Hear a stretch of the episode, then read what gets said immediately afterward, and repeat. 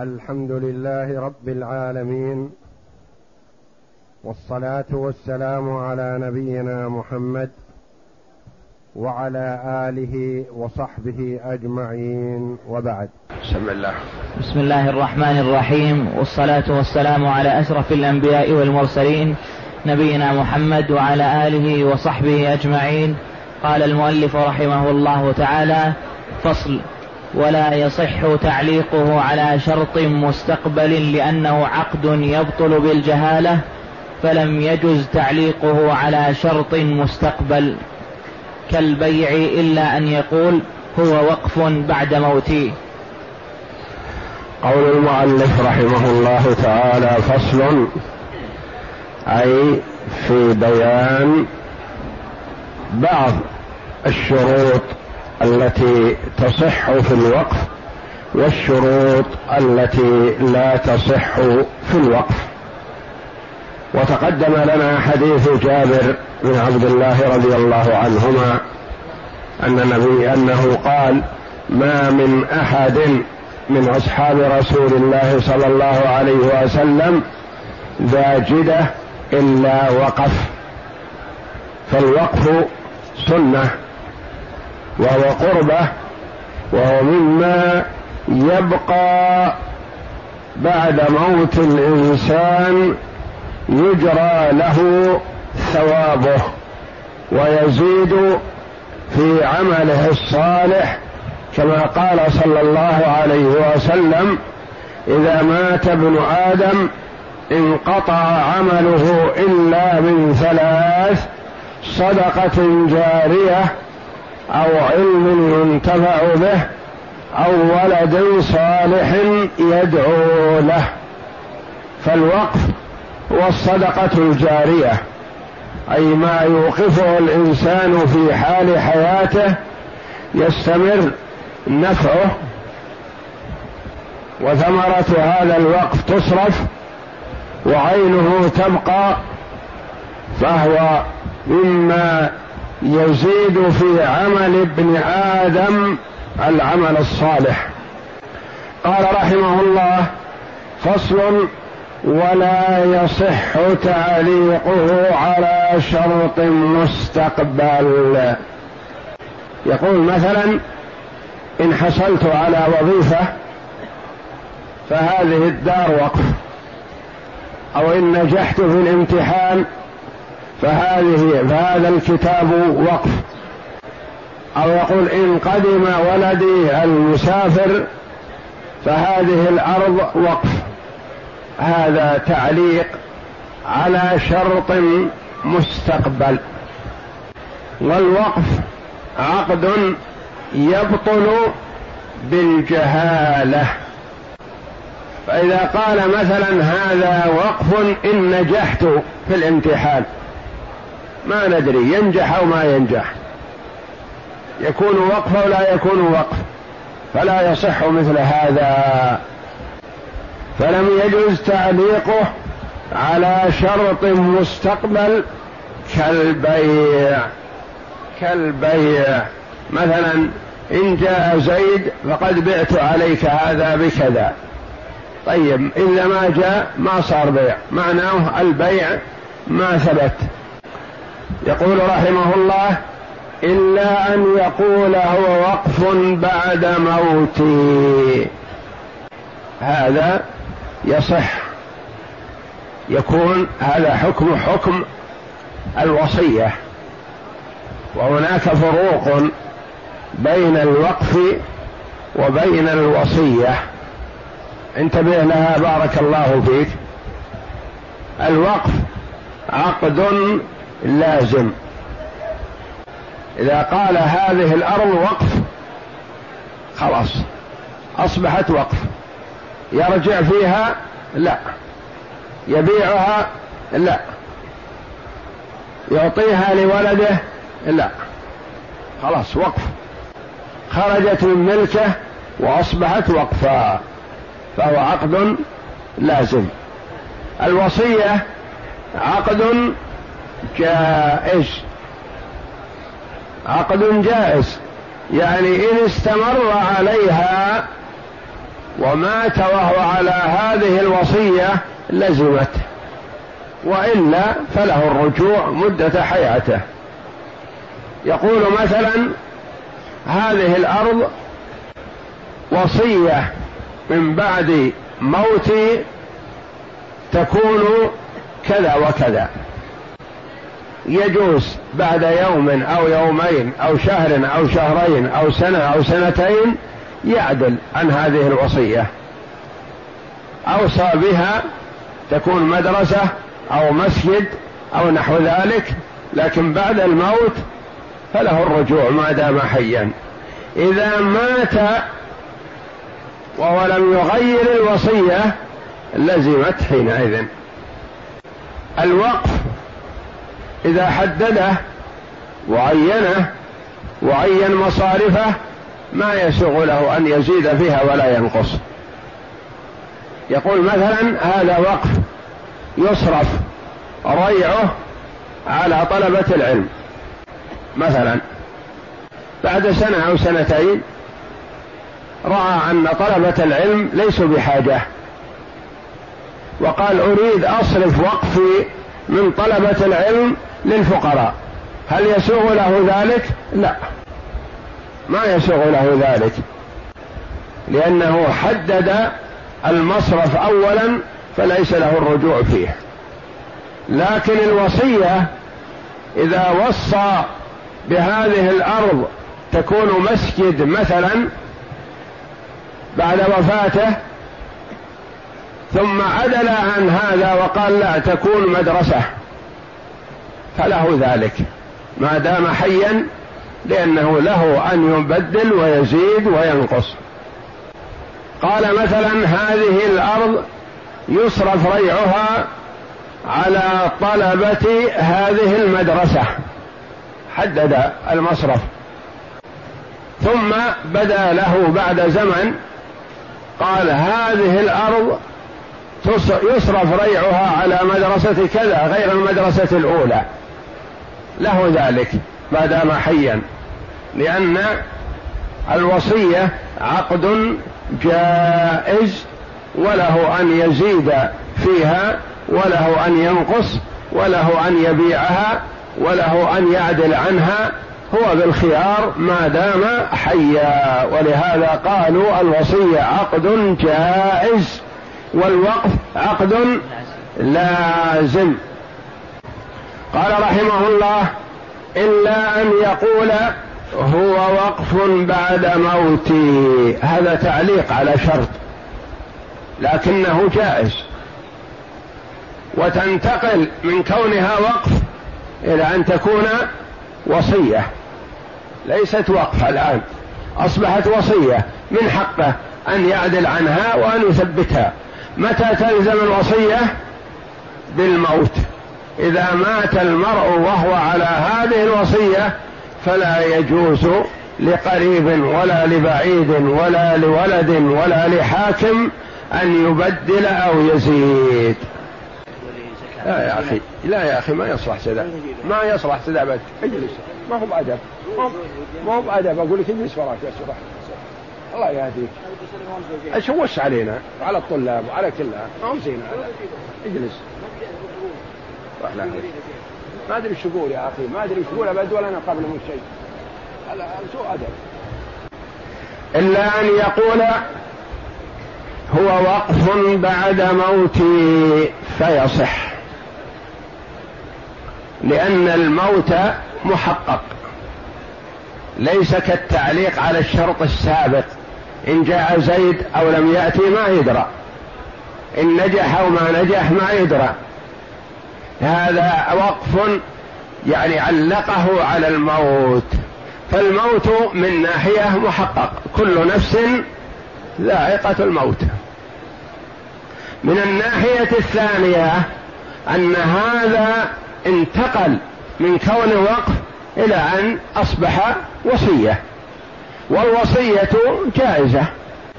والوصية عقد جائز وهو ثابت بالكتاب العزيز وبالسنة الصحيحة وبإجماع المسلمين. فإذا وقف وقفا معلقا على الموت يكون وصية والوصية جائزة. بخلاف التعليق على غير الموت فلا ما يكون وصية هذا. ولا يصح حينئذ إلا أن يقول هو وقف بعد موتي فيصح.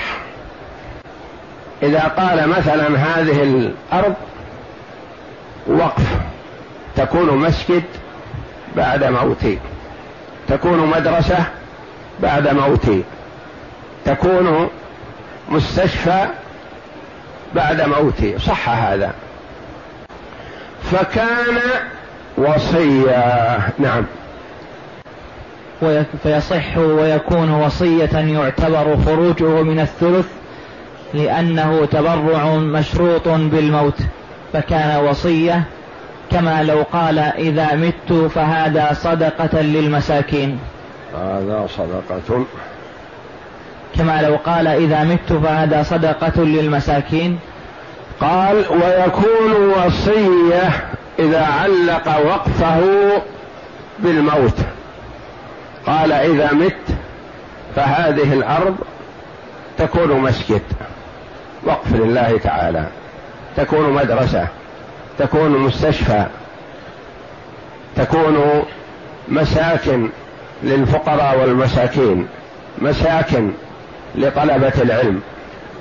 ونحو ذلك. يعتبر خروجه من الثلث. انتبه لهذه. يعتبر خروج الوصية من الثلث. أما الوقف فلا ينظر يخرج من الثلث أو لا يخرج. هذه من الفوارق بين الوصية والوقف. أن الوقف لو وقف المرء كل ماله لوجه الله تعالى فلا اعتراض عليه. يملك بيته ما يملك غيره. قال هذا وقف لله تعالى. يصرف ريعه على طلبة العلم المحتاجين. ما عنده غير هذا البيت. لا يملك لا قليل ولا كثير غير هذا البيت. هل يصح؟ صح. لأن للمرء أن يتصرف في حال حياته بما بماله حسب ما يهواه على حسب ضوابط الشرع. الوصية قال هذا البيت الذي أسكنه وصية بعد موتي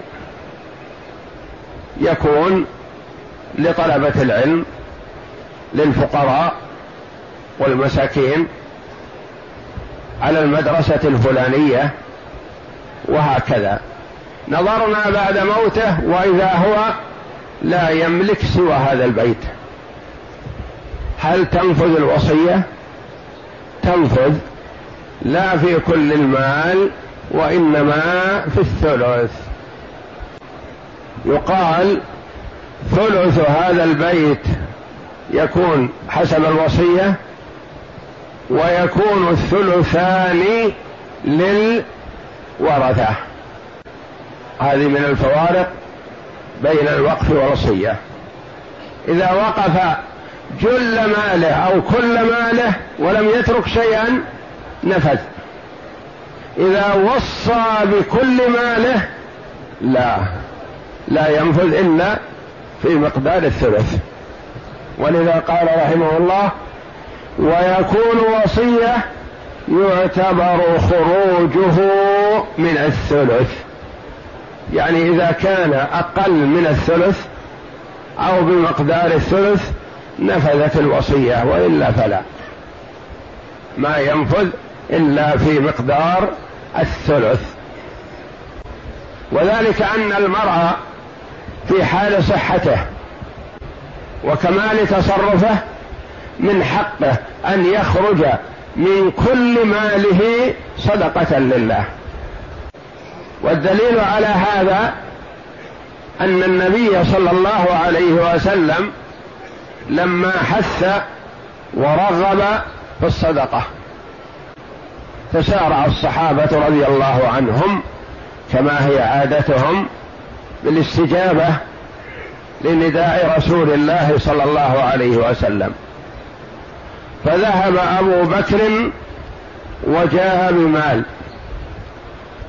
وذهب عمر وجاء بمال وذهب غيرهم رضي الله عن الجميع وأحضروا ما شاءوا من المال. عمر رضي الله عنه أحضر نصف ماله وتوقع أنها حانت الفرصة له أن يسابق أبا بكر لعله أن يسبقه. لأنه أعطى عطاء جزيل رضي الله عنه نصف ماله. فإذا بأبي بكر رضي الله عنه جاء بكل ماله. أتوا الصحابة رضي الله عنهم بهذه الأموال فقال النبي صلى الله عليه وسلم لأبي بكر ماذا أبقيت لعيالك؟ قال أبقيت لهم الله ورسوله. يعني يكفيني ويكفي عيالي وعد الله جل وعلا ووعد رسوله صلى الله عليه وسلم. يقول يعني معناه ما أبقيت لهم شيء. وسأل عمر ماذا أبقيت لعيالك؟ قال الشاطر النصف يعني. يقول رضي الله عنه فعرفت أني لن أسبق أبا بكر أبدا. رضي الله عن الجميع يتنافسون ويتسابقون في الخير. فأبو بكر رضي الله عنه تصدق بكل ماله وما اعترض عليه النبي صلى الله عليه وسلم. ما قال له ما يسوغ لك أن تخرج مالك كله. أما الذي أوصى بعد الموت ويسأل النبي صلى الله عليه وسلم وهو سعد بن أبي وقاص رضي الله عنه لما أتاه النبي صلى الله عليه وسلم يزوره من مرض اشتد به في حجة الوداع قال يا رسول الله إني ذو مال ولا يرثني إلا ابنة لي واحدة. في ذاك الوقت لو وجد له فيما بعد أولاد كثير رضي الله عنه. أفأتصدق بمالي أو بثلثي مالي؟ قال لا.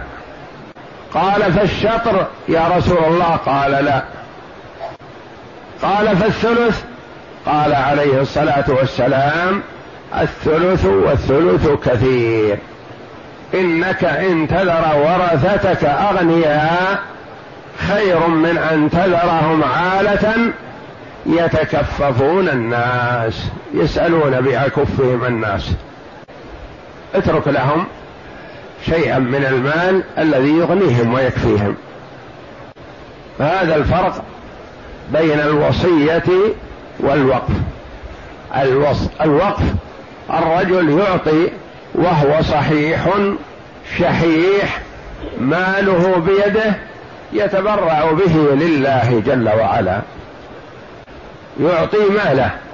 لكن في حال الوصية ما أعطى ماله وإنما أعطى مال الورثة. فقال له النبي صلى الله عليه وسلم ابق للورثه ما يكفيهم. ويكون وصية يعتبر خروجه من الثلث. والوصية يجوز أن يوصي بصرف شيء من المال. ينفق مباشرة ويجوز أن يوصي بأن يشترى عقار ويصرف ريعه في كذا ويجوز أن يوصي بعقار له بأن يصرف ريعه في كذا الأمر فيه سعة لأنه تبرع مشروط بالموت. فرق بين التبرع في الحياة مع الصحة والعافية وبين التبرع المشروط بالموت. ولما سئل صلى الله عليه وسلم أي الصدقة أفضل؟ قال ان تتصدق وأنت صحيح شحيح. تأمل الغنى وتخشى الفقر. ولا تمهل حتى إذا بلغت الحلقوم قلت لفلان كذا ولفلان كذا وقد كان لفلان. هذا ينفع هذه صدقة من الله الوصية يؤجر عليها العبد وصدقة من الله جل وعلا تصدق بها على عبده عند موته. لكن إذا قدم ما يعطي في حال صحته وعافيته يكون أحسن وأفضل. أن تتصدق وأنت صحيح شحيح. إذا فالصدقة نوعان. صدقة في حال الصحة وصدقة في حال المرض أو بعد الموت يعني يوصي بها بعد الموت. الصدقة في حال الصحة أكمل وتنفذ ولو بكل المال. وأما الصدقة في حال المرض أو الوصية بعد الموت فهذه لا تنفذ إلا في الثلث فأقل.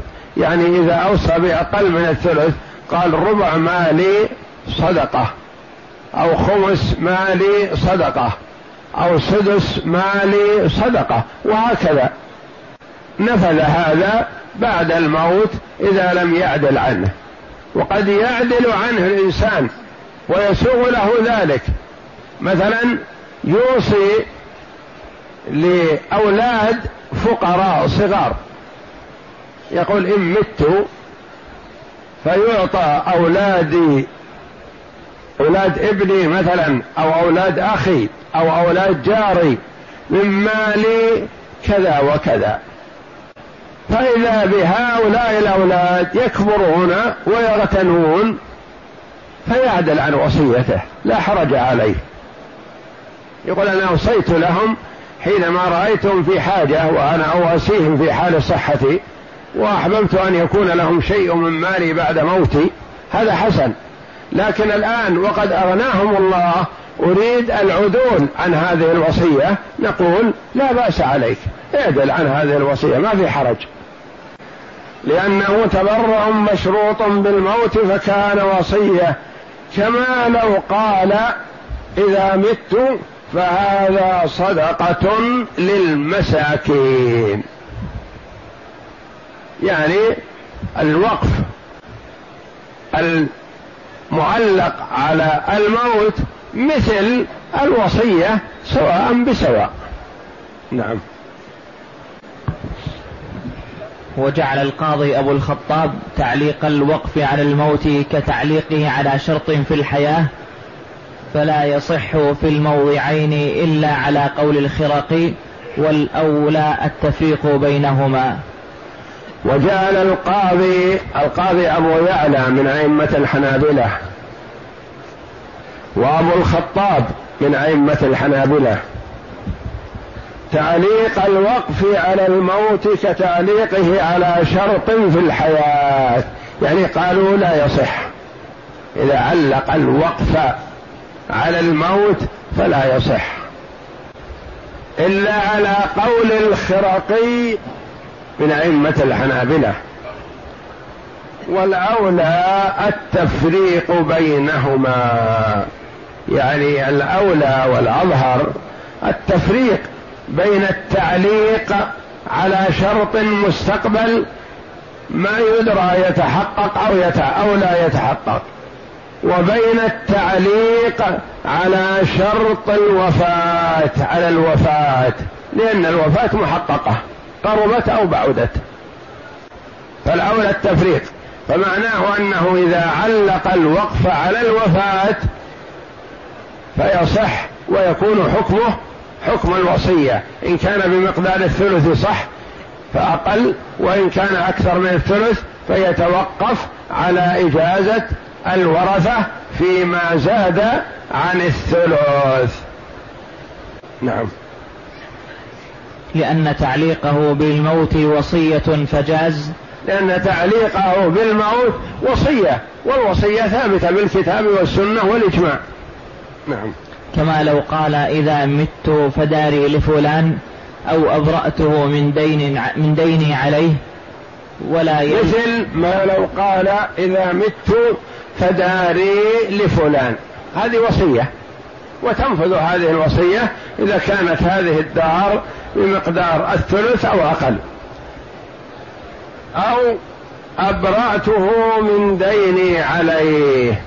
يقول مثلا إذا مت وفلان ما سدد فهو بريء من الدين الذي في ذمته. فيبرأ ويحسب هذا الدين من الثلث. نعم. ولا يلزم من جواز ذلك صحة تعليق الهبة والإبراء على شرط الحياة على شرط في الحياة كذا ها هنا. ولا يلزم من جواز ذلك يعني الوصية والوقف المعلق بالموت جواز صحة تعليق الهبة. لأن هذا نوع وهذا نوع. فالهبة مثلا قالوا لا تصح على تعليق وإنما تكون منجزة وإلا فلا تثبت. والإبرة كذلك على شرط في الحياة أما الإبرة على شرط الموت فهو سائغ ويكون حكمه حكم الوصية. نعم. ولا يجوز الوقف إلى مدة لأنه إخراج مال على سبيل القربة فلم يجوز إلى مدة كالصدقة. ولا يجوز تحديد الوقف بمدة. يقول مثلا هذا الوقف هذا العقار وقف لمدة عشر سنوات ثم يرجع لي أو لورثتي. هذا ما يصح لأن الوقف نقل ملكية. فلا يعود مرة أخرى. ومقصود به القربة ليس تأجير. يقول أجره عشر سنوات أو خمس سنوات. لا هذا مقصودا به القربة والتقرب إلى الله جل وعلا. ونقل ملكية أنه من ملكه إلى أن يكون لله تبارك وتعالى. فهذا نوع وذاك نوع فلا يجوز تحديد الوقفية بمدة معينة. كالصدقة. يقول هذا صدقة لله؟ لكن يرجع إلي بعد سنة أو سنتين. ما يصير. نعم. فإن شرط فيه الخيار أو شرط في أو شرط الرجوع فيه إذا شاء أو بيعه إذا احتاج أو يدخل فيه من شاء لم يصح لأنه إخراج ملك على سبيل القربة فلم يصح مع هذه الشروط كالعتق. فإن شرط فيه الخيار قال هذا وقف. ولي الخيار مدة شهر أو عشرين يوم أو سنة. أنا بالخيار. إن أردت نفذت وإلا رجعت. نقول ما يصح هذا الشرط؟ ولا يصح الوقفية لأنك متردد فيه. أو شرط الرجوع فيه إذا شاء. يقول هذا وقف لله تعالى. هذه الأرض وقف لله تعالى. تبنى مسجد لكن إذا احتجت أرجع فيها. نقول لا ما يصح. يقول ما أدري. أنا الآن مستأجر. وأخشى يخرجني صاحب الملك ولا أجد سكن فأضطر أني آخذ وقفي وأسكن فيه. نقول لا إذا أخرجته لله فلا ترجع فيه أبدا.